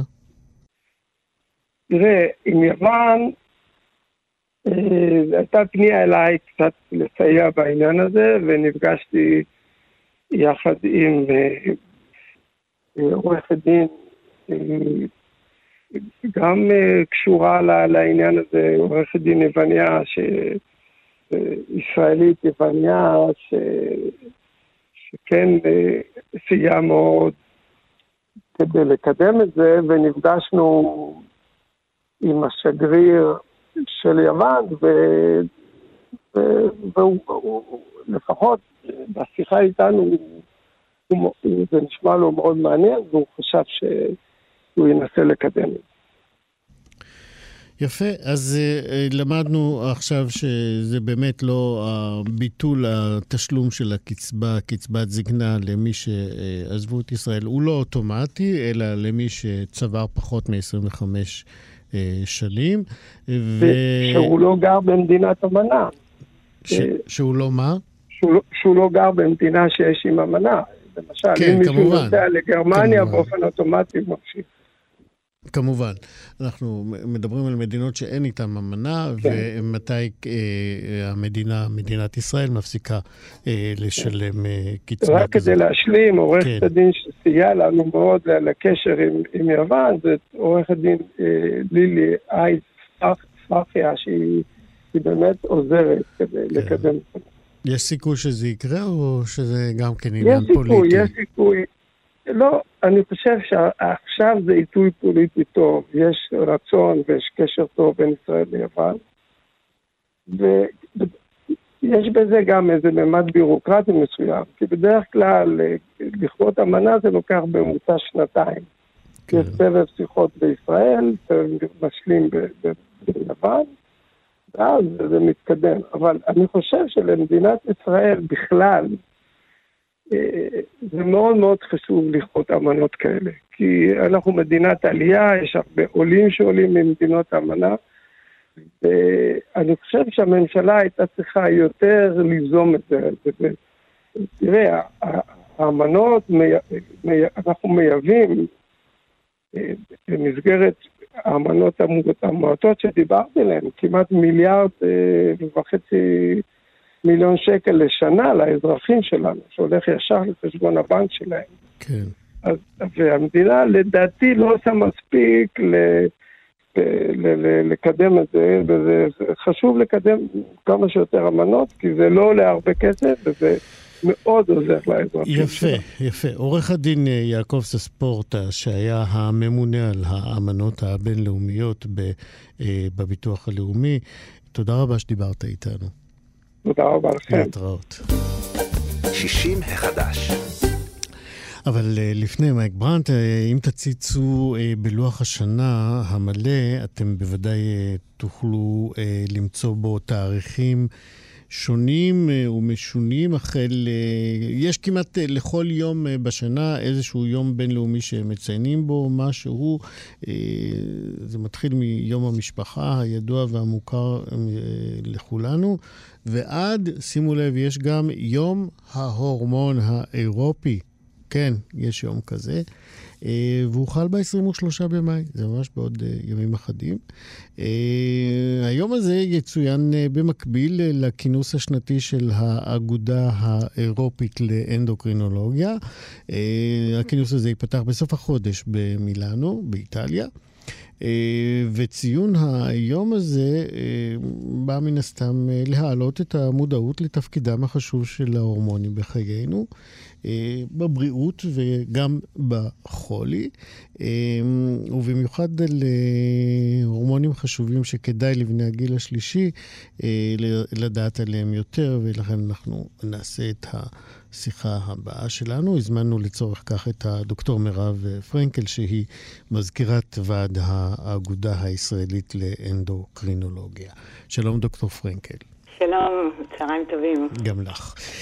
אמ, בואי בואי נתחיל ככה בכללי קצת. מתי בעצם החליטו אה, שצריך להיות אה, יום אה, בינלאומי? אומנם זה יום אירופי, אבל הוא, הוא די בינלאומי, שצריך לציין את ההורמון, את, ל, ל, ל, לקשור לו כתרים. אז באמת זו יוזמה של האגודה האירופאית לאנדוקרינולוגיה, כמו שאתה הסברת כל כך יפה, שמתכנסת מדי שנה לקיים את הכנס שלה, ואחרי שנתיים שהכנס הזה היה וירטואלי בגלל הקורונה, בעצם תהיה התכנסות אה, פנים אל פנים במילאנו. וסביב הכנס הזה באמת אה, נוסחה הצהרת מילאנו של האיגוד, שבין השאר העלתה את הנושאים החשובים שיש להעלות לסדר היום הציבורי, גם מול ממשלות ומשרדי בריאות שקשורים לתחום הזה של האנדוקרינולוגיה, שזה כל מערכת ההורמונים בגוף. ואנחנו כחברים באיגוד האירופאי, האגודה הישראלית לאנדוקרינולוגיה, אה, רוצה גם כן למנף את היום הזה, להעלות את המודעות למקצוע שלנו, לחשיבות שלו ולנושאים שקשורים לבריאות האוכלוסייה, גם זו של הגיל השלישי. אוקיי, okay. אז אולי אה, לפני שנעמיק פנימה, אה, ספרי לנו באופן אה, כללי, מהו הורמון בכלל? איזה מין אה, חלק בגוף? אז אה, הורמון זה בעצם סוג של כימיקל, חומר כימי, יש להם מבנים שונים. הם מופרשים מבלוטות מוגדרות אה, בגוף, אה, ו... דרך זרם הדם מגיעים לאיבר המטרה, ששם הם פועלים, כדי לווסת כל מיני תהליכים שקשורים אה, לבריאות התקינה שלנו למעשה, לחילוף חומרים, לאיזון משק הסוכר, לאיזון משק הסידן בדם, לאיזון האנר... למאזן אנרגיה, אה, כמובן הפוריות, התפקוד המיני שלנו, כולם נשלטים על ידי הורמונים. ועל מה, בעצם מה שאת אומרת זה שבעצם כמעט אין תהליך אה, בגוף אה, שלנו, אה, בני האדם, אולי גם אחרים בעולם, בעלי חיים אחרים. לגמרי. זאת אומרת, אין שום תהליך שהוא לא קשור בהורמון כלשהו. נכון, ההורמון הוא לא, לא בהכרח זה שעושה את הפעולה הסופית, אבל הוא זה שמווסת אותה וגורם לה לקרות. הוא גם יש לנו מערכת של חיישנים. לחום הגוף, למצב הסטרס שלנו, אה, לגיל, לערנות, לשינה, לשובע, לרעב, כל הדברים האלה מבוסתים על ידי הורמונים, והסיגנלים שההורמונים אה, משדרים לשאר הגוף מפעילים כל מיני מערכות, את מערכת העיכול, את הלב, הרבה מאוד מערכות בגוף, בגוף בסופו של דבר נשלטות על ידי ההורמונים. אז מה באמת, אה, אם כך, תפקידו של האנדוקרינולוג במערך הטיפולי או הרפואי כאשר מטפלים במחלות? אז uh, למעשה הרופאים המומחים במקצוע האנדוקרינולוגיה הם עוסקים גם באבחון וגם בטיפול, בעיקר במצבים של עודף או חסר של הורמונים, שנגרמים ממחלות ש... שאנחנו יודעים שקיימות במין האנושי, תת ויתר פעילות של בלוטת התריס, אה, חסר או עודף של הורמוני יותרת הכליה, סכרת שבה יש, אה, המחלה נגרמת בעצם מתפקוד לקוי או חסר של אינסולין שהוא גם הורמון, השמנה זו מחלה אנדוקרינית שאנחנו מטפלים בה, אה, או אנדוקרינולוגים של ילדים מטפלים בבעיות של גדילה. ילדים עם קומה נמוכה. תחום מאוד גדול בתוך האנדוקרינולוגיה זה משק הסידן ובריאות העצם, שהם גם כן נשלטים על ידי הורמונים. כך שיש מגוון מאוד גדול של, אה, של אה, מחלות, יש גם אה, גידולים של האיברים האנדוקרינים. וגם הגידולים האלה מתייחדים בזה שבמיעוט מהמקרים האונקולוג הוא זה שמנהל את המקרה, הרבה מאוד פעמים, למשל בסרטן בלוטת התריס, או הגידולים של יותרת המוח, שהם גידולים שפירים, מי שמנהל את המקרה זה האנדוקרינולוג. הבנתי. זאת אומרת, יש מצב שהורמונים מסוכסכים ביניהם בתוך הגוף? אה, יש מצב שהם הם, הם או חסרים או קיימים בעודף, ואז זה גורם בהחלט למחלה, זה גורם לביטויים, אה, אפשר לתת דוגמה, יתר פעילות של בלוטת התריס, שיכולה לגרום לדופק לב מהיר ולרעד ועצבנות וירידה במשקל, או אוסטאופורוזיס שנגרמת אה, בין השאר בנשים במנופאוזה בגלל חסר אסטרוגן, שיכולה לגרום לשברים. חסר טסטוסטרון בגברים יכול לגרום לבעיות פוריות, לחסר, לפגיעה בחשק המיני. כן, אבל אם התחלת לדבר על טסטוסטרון, הוא באופן טבעי, הרמה שלו הולכת ופוחתת בגוף ככל שעולים בגיל, או שאני טועה. אז, אז האמת היא כזו שבניגוד לנשים, שם המושג של מנופאוזה הוא ממש מקובל וידוע שיש גיל בממוצע גיל 50 שבהן השחלות מפסיקות לתפקד ולהפריש אסטרוגן. אצל הגברים פחות מקובל לדבר על אנדרופוז, כן, על הפסקה של ייצור אנדרוגנים, שזה הטסטוסטרון, אבל אתה צודק שזה קיים במידה מסוימת, ואני גם חושבת שרמות הטסטוסטרון בגוף של הגבר מושפעות מהרבה מצבים, מהשמנה, מסכרת, מתרופות שלוקחים, ולכן ממילא עם הגיל, כשמתרבות המחלות הכרוניות ונוספים טיפולים תרופתיים, ממילא גם נפגע התפקוד של האשכים בהפרשת טסטוסטרון. אבל זה לא קלאסי כמו אצל האישה שמגיע גיל שמפסיקה הפרשה של לא, רגע, אני, אנחנו מיד ניגש באמת אה, לעניין האסטרוגן אצל אנשים, נכון? נכון. אה, אבל את אומרת, אה, כן, זה יכול לקרות אצל גברים, הטסטוסטרון אה, יורד בגלל שימוש בתרופות, בגלל מחלות רקע. נכון. מושג מאוד פופולרי בשנתיים האחרונות, למדנו להגיד אותו. האם לזה גם יש התערבות של אנדוקרינולוג או של רופא אחר? זאת אומרת, גברים שחווים ירידה בטסטוסטרון מקבלים מה? טסטוסטרון שונים שניתנים בזריקה. אה, בתדירות של אה, פעם בש... אה, בשבועיים או פעם בשלושה, משהו כמו 12 שבועות, יש תכשירים במריחה. זאת אומרת, יש לנו תכשירים כמה, כמעט לכל הורמון. כמה באמת גברים מודעים אה, לא, לאפשרויות האלה?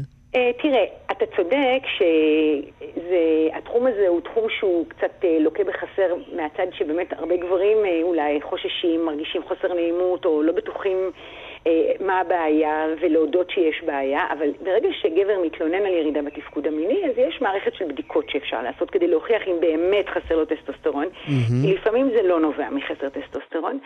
אה, גם חוסר פוריות בגבר יכולה להיות אה, ביטוי כמובן להפרעה אנדוקרינית, ואז יש טיפול לכל, בהנחה שאין התוויית נגד. למשל, גבר שהיה לו סרטן הערמונית, חסר לו טסטוסטרון הרבה פעמים, אבל אנחנו לא נוכל לתת לו טסטוסטרון משום שזאת התוויית נגד בגלל סרטן הערמונית. אבל אה, בהחלט יש טיפולים. הבנתי.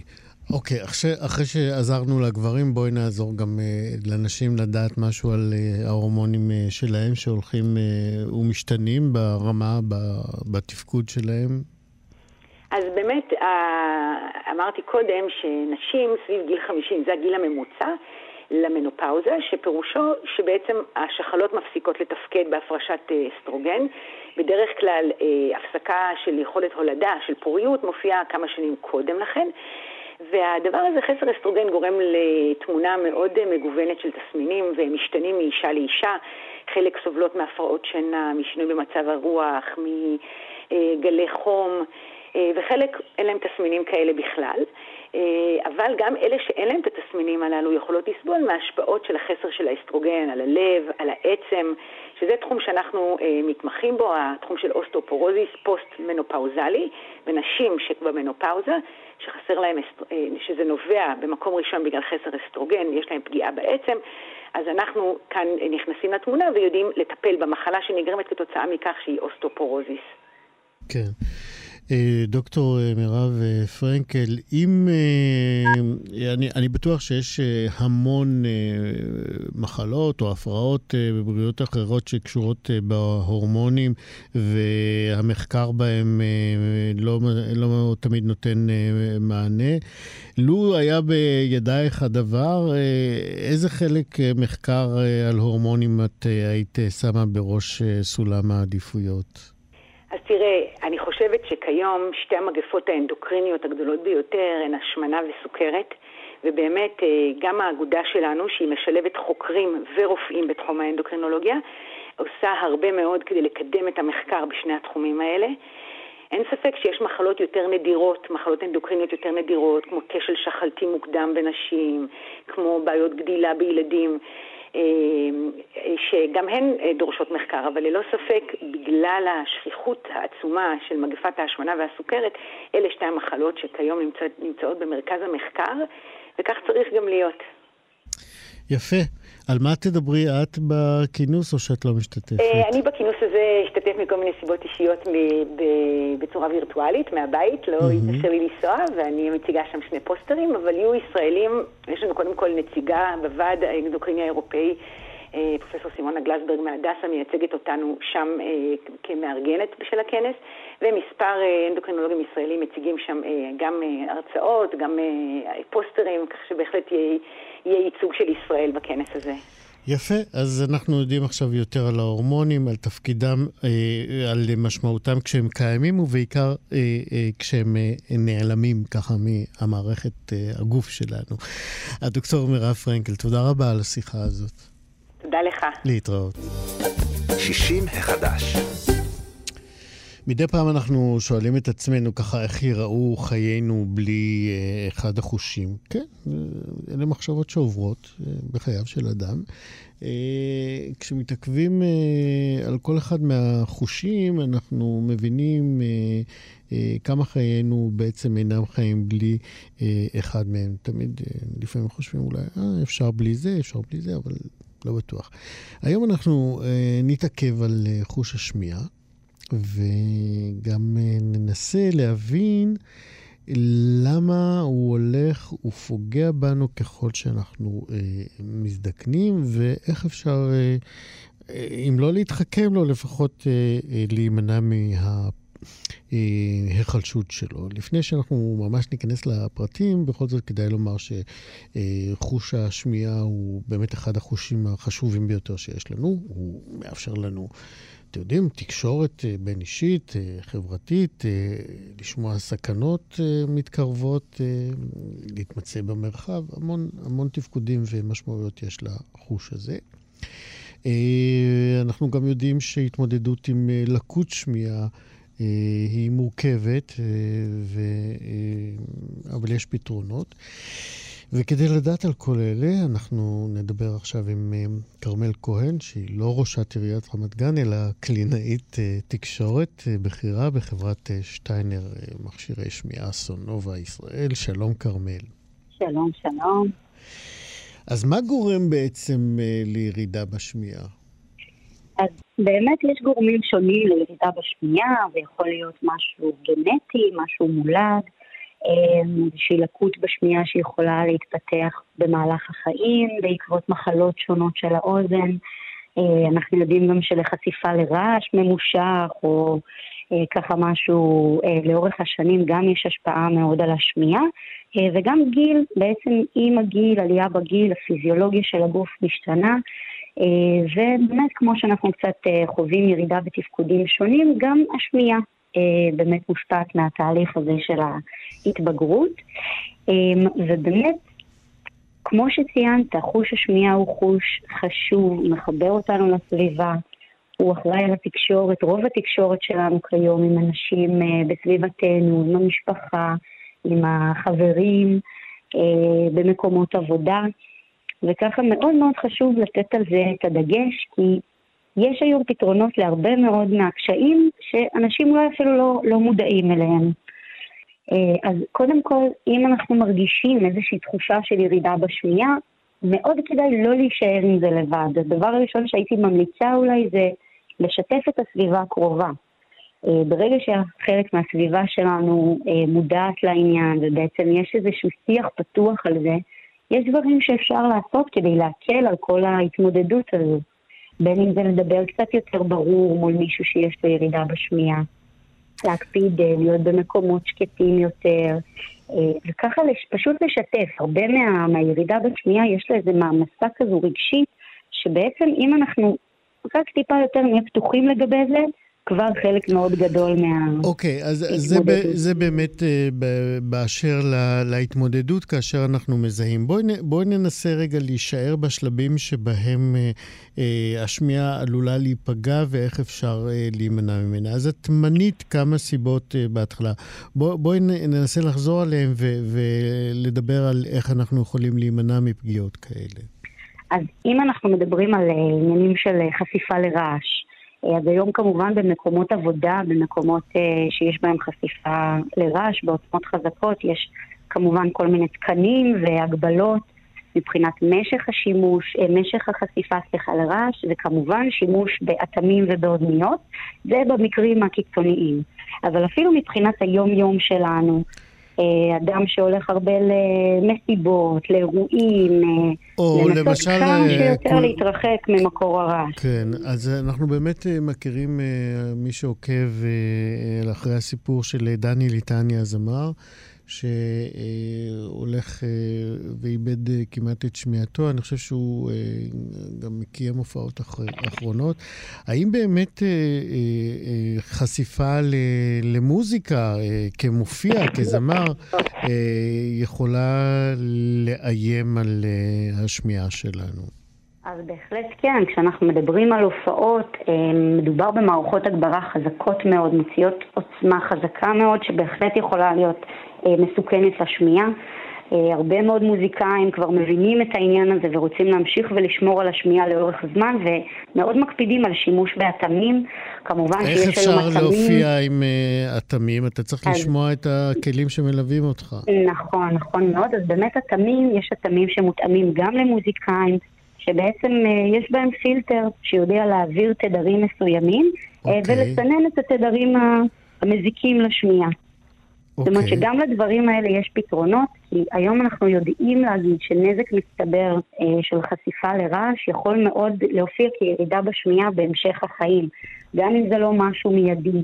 כן. אה, וגם כמובן במדינה שלנו עם השירות הצבאי, שבאמת מי לא נחשף ל- אה, לרעשים ולפיצוצים ומטווחים, כן. מאוד חשוב להקפיד. אוקיי. חסמים, אוזניות. כן, כרמל כהן, כשאנחנו מדברים על נזק, למה אנחנו מתכוונים נזק? למה?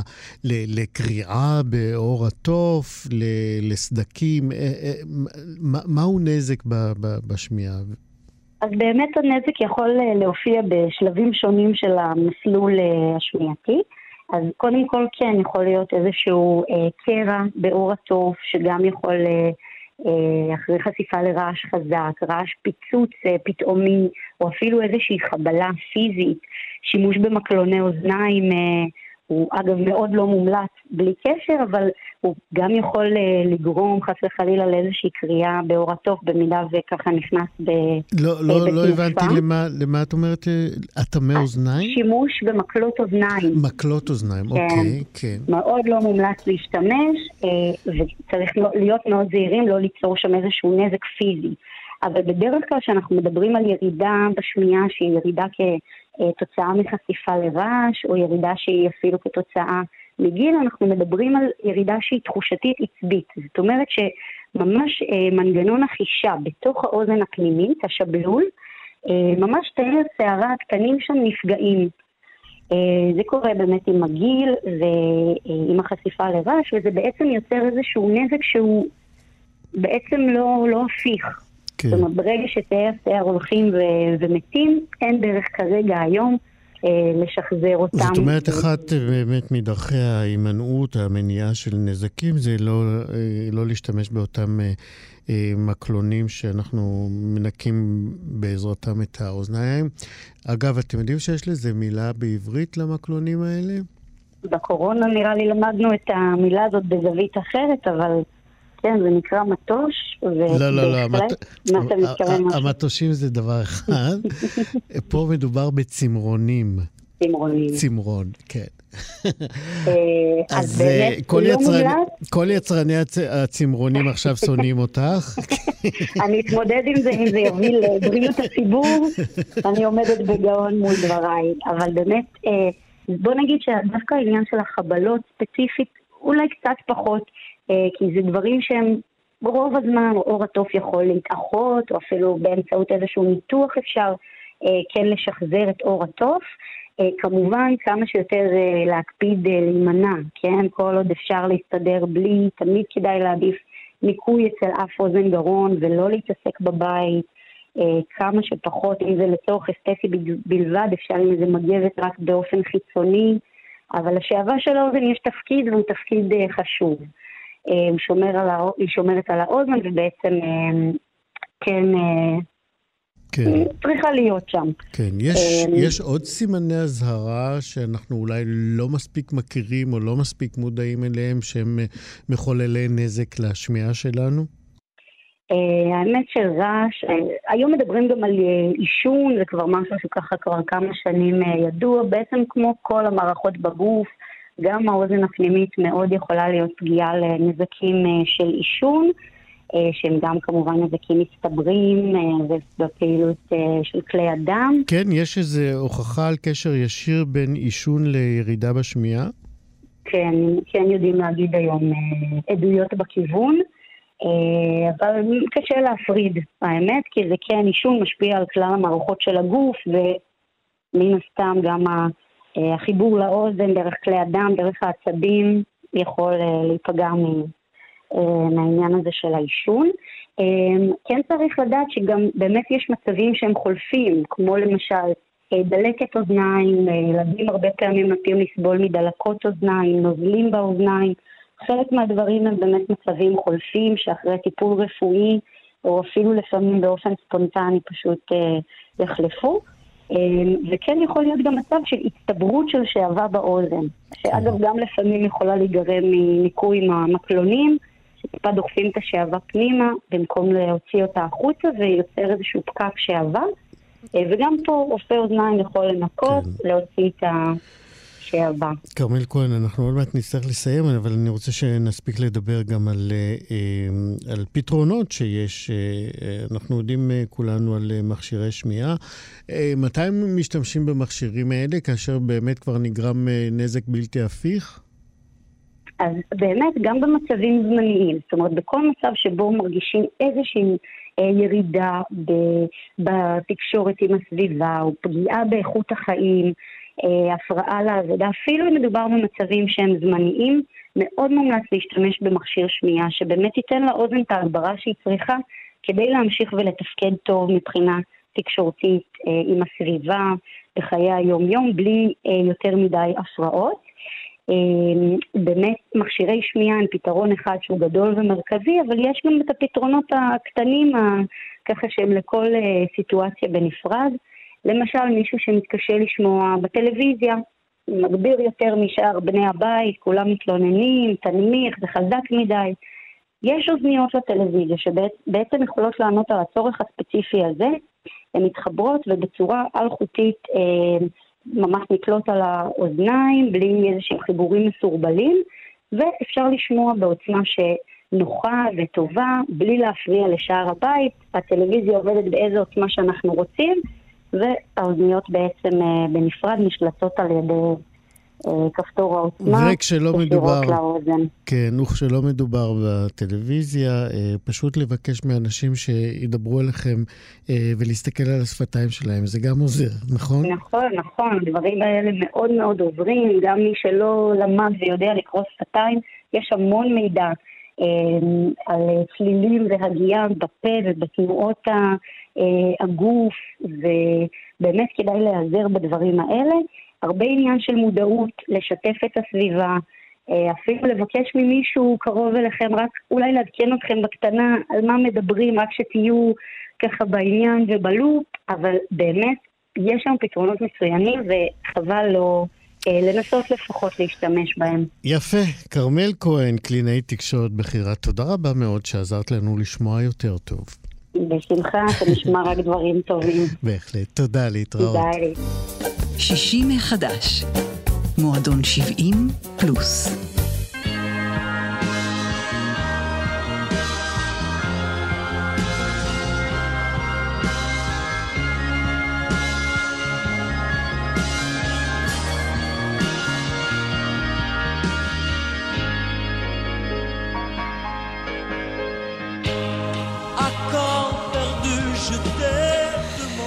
לאורך השעתיים האלה שמענו עד עכשיו כמה וכמה שירים אה, של אה, מייק ברנט, ולו הוא היה בינינו היום, מייק ברנט היה מועמד אה, טבעי לגמרי להתארח במועדון 70 פלוס. מייק ברנט, לצעירים שבינינו, היה אגדה לשנים קצרות מדי. למרבה המזל הרע, הוא קפץ אל מותו בפברואר 1975, והוא היה אז רק בן 20. ושמונה. עד כלות הגוף, הקור פרדו ששמענו עכשיו, הוא בעצם היה אחד הלהיטים הגדולים שלו, אה, והוא גם נתן את השם לתערוכה חדשה שתעלה, תוצג במוזיאון העיר חיפה. אה, שהיא גם עיר אה, נעוריו של מייק ברנט. התערוכה המרתקת הזאת באה לעולם בעידודו ובשיתופו של אחיו של מייק, צביקי, שבעצם מחזיק את כל האוצרות שהשאיר אחריו מייק ברנט, אחרי הקריירה הענקית וחייו. ששניהם היו אה, קצרים. אה, אירוע הפתיחה של התערוכה יתקיים ממש במוצאי השבת הקרובה, והיא תוצג אה, שם במוזיאון העיר עד אה, סוף החודש הזה. אה, מי שהיה מנהלו האישי הראשון בארץ ואמרגנו של מייק ברנט היה נועם סמל, שהוא בעצמו, אתם יודעים, אושיית תרבות, והוא מנהל היום את אה, התיאטרון הלאומי הבימה, ואיתו אנחנו uh, רוצים לדבר על uh, מייק ועל התערוכה. שלום, נועם סמל. שלום, שלום, שלום לך, איציק. מה שלומך? אני מנסה, ואתה? אתה פגשת את מייק? אתה ראית אותו בהופעה? לא, לא, לא הספקתי. לא הספקתי. לא, חבל, חבל, הפסדת, הוא באמת אחד הפרפורמרים הכי גדולים שהיו לנו. אז בוא באמת, קח אותנו כן. לפגישה הראשונה שלך. מה הזיכרון תראה, הראשון אני... שלך ממייק? הזיכרון הראשון שלי ממייק, אני התחלתי בניהול אומנים ואמרגנות וניהול אומנותי. אנחנו בני אותו גיל, מייק ואני, ב-1969 הייתי גם סטאז'ר למשפטים, אבל גם הייתה לי להקה שקראו לה נערי חצר מחיפה. הם הביאו איתם את מייק, והיה לנו חוזה במלון דן לכמה חודשים לתוכנית של ריקודים, הם מוזיקה לריקודים, וב-12 בלילה מייק מופיע רבע שעה 20 דקות לפני האומן הגדול. מה זה האומן הגדול? כוכבי הלהקות הצבאיות, יגאל בשן, שלמה ארצי, ססי קשת, צמד הדודאים, צמד מיכ... הפרברים, צמד... מיכל טל? אלה היו הכוכבים. מיכל טל, כמובן. אלה היו הכוכב, אלברשטיין, אלה היו הכוכבים.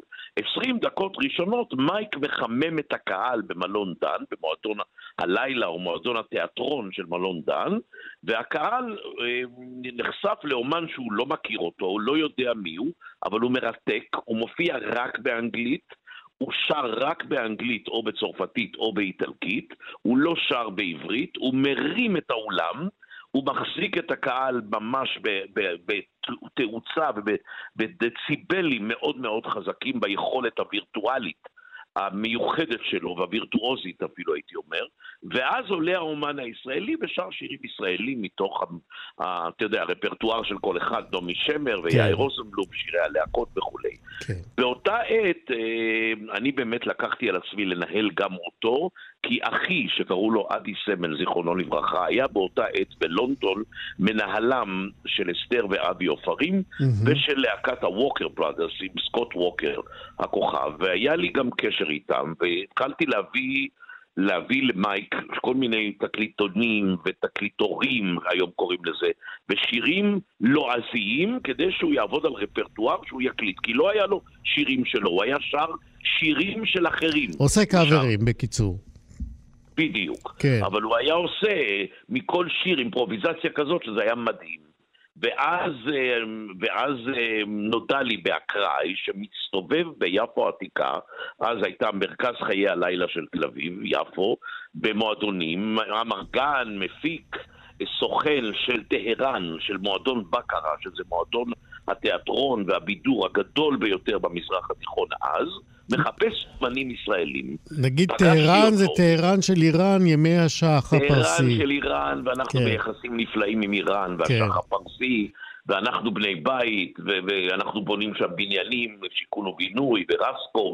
בקיצור, אני מגיע לאיש הזה, אני פוגש אותו במועדון קליף ביפו, ואני אומר לו, תשמע, יש לי זמר בינלאומי, עוד לא גילו אותו, הוא מאחורי הקלעים, אבל תשמע, אני בטוח... זה דרך יפה להגיד שמייק ניסה באמת לעשות קריירה פה, ולא ממש הלך לו, בוא, בוא נגיד את האמת. לא הלך לו בכלל, כן, בכלל. כן. זה פשוט לא יאומן, לא רצו אותו, לא רצו לשמוע אותו, לא הצלחתי להכניס אותו למצעד הפזמונים, לא הצלחתי להכניס אותו לשום דבר, אבל הצלחתי לדחוף אותו לטהרן, והוא קיבל את החוזה, אנחנו קיבלנו את החוזה, חצי שנה הופעות במועדון בקרה בטהרן, כשאני בעצם לא יודע מי האומנים האחרים שמופיעים בטהרן באותה עת. אני גם לא נוסע איתו, כי אני סטאג'ר למשפטים ויש לי עניינים אחרים, ואז הוא נוסע לטהרן. ושם הוא מכיר את סילבי ורטן. שם הוא מכיר את סילבי ורטן. צריך להסביר למאזינים שסילבי ורטן זה כמו מדונה היום, נכון? לגמרי, כן, של אותם זמנים, כן. וגם נשואה לג'וני הולידיי, זאת אומרת, כן, גם מדונה והיא גם נשואה לרוברט דנירו. כן, הם היו ה power couple של ה power צרפת. couple של אירופה.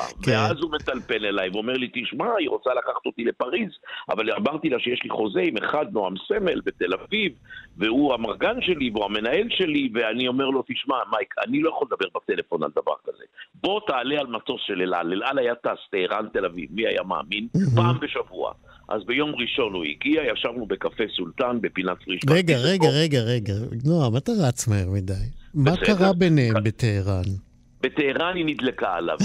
או, או, now you're talking. קודם כל מדובר בזמר שהיה חתיך אלוהי, אפשר אוקיי. לומר היום, כן. וגם קול מעולה, והופעה נאה, וגבוה, ושרמנטי, ויודע להלך בין הבריות, ופרפורמר, אמרתי קודם, לא רק זמר גדול, אלא כן. פרפורמר, יודע להופיע למול קהל. אני חושב שהוא למד את מלאכת ההופעה משתי זמרות ענקיות ישראליות, מיפה ירקוני ומשושנה דמארי. כן. אני חושב שהן המורות הגדולות שלו, ככה נראה לי, וגם מיונתן כרמון, שבעצם לקח אותו למסעות בכל רחבי העולם, כזמר ליווי של, של השירים להקת קרק- של להקת להקת כרמון, כן. אבל מאחורי הקלעים, מאחורי הקלעים. כן. בועז שרעבי היה לתופים, ומייק היה מאחורי הקלעים שר שירי ארץ ישראל למחול, לקומה איכה והורה וכל הדברים האלה. אבל במסעות הם הגיעו לאולימפיה בפריז, והם הגיעו ללס וגאס, והם הגיעו להוליווד, והוא ראה את גדולי העולם, הוא ראה. והוא פתאום פיתח משהו מאוד מעניין משלו, אבל לא בעברית, כמו שאמרתי קודם. כן. והיא נדלקה על הפרפורמר הזה ועל האומן הזה. ואז הוא הבינה- הגיע אה, לדבר איתך בארץ וזה, והחלטתם נכון. שהוא נוסע לפריז, אבל כשהוא הגיע, אנחנו חייבים להדק, כי אין לנו את כל אין הזמן. בעיה, אין אה, אין בעיה. כן, אין ואז לי. הוא נוסע לפריז, ושם היא קצת אה, מתעלמת ממנו. לא, קודם כל אני, אני נותן לו את ברכת הדרך, אני קורע לגזרים את ההסכם שהיה בינו לביני, ואני אומר לו, תשמע, לך לדרכך, אני לא אעמוד בדרכך, אני נותן לך את ברכת הדרך, תזמין אותי להופעת הבכורה בפריז. כמובן שזה לא קרה, והפעם הבאה שראיתי אותו הייתה רק במלחמת יום הכיפורים, כשהוא כבר כוכב גדול. והוא מגיע לארץ להופיע בפני החיילים בתעלה ובכל המקומות.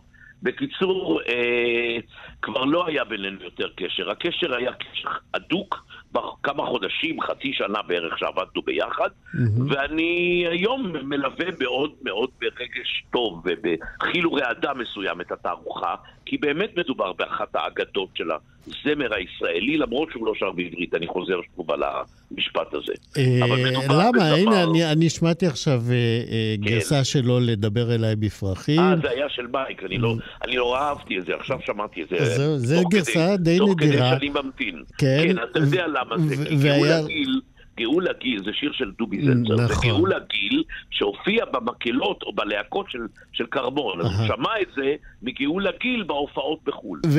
ואם אנחנו ממש רוצים לעשות צדק, היה לו עוד שיר אחד שנקרא ערב טוב. נכון. אה, וגם הוא היה בעברית, אה, נכון, ושמענו אבל זה אותו. הכל.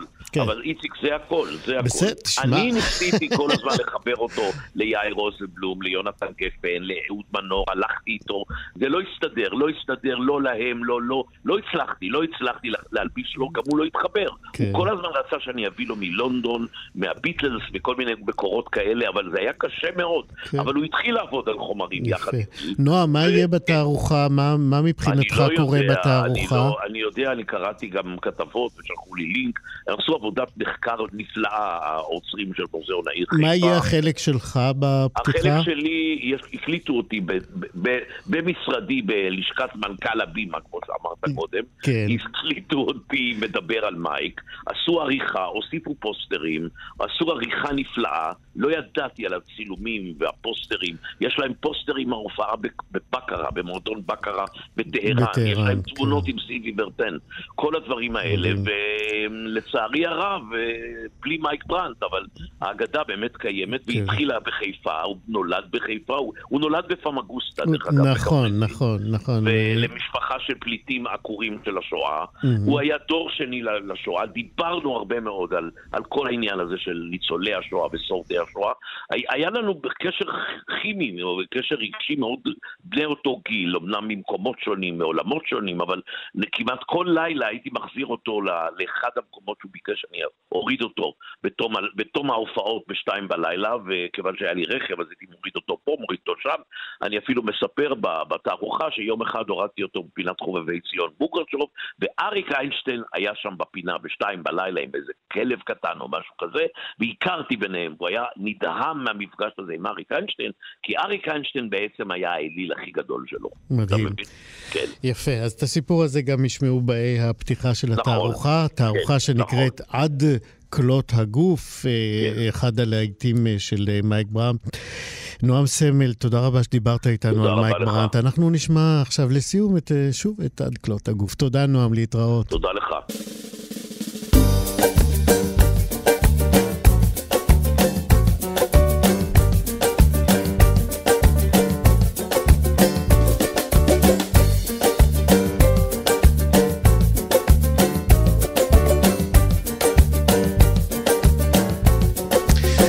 זהו, כאן אה, סיימנו שעתיים אה, של אה, שישי מחדש. תודה רבה מאוד לצוות, תודה לשירי כץ, תודה לדניאל פולק, תודה לדרור רוטשטיין, אני איציק יושע.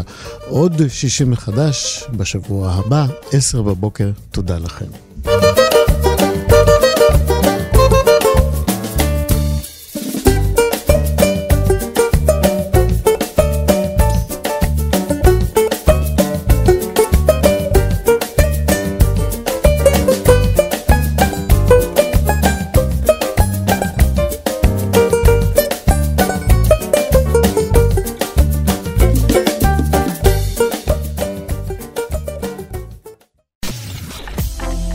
מאזינות ואתם מאזינים לכאן הסכתים. כאן הסכתים, הפודקאסטים של תאגיד השידור הישראלי. אתן מאזינות ואתם מאזינים לכאן הסכתים. כאן הסכתים, הפודקאסטים של תאגיד השידור הישראלי.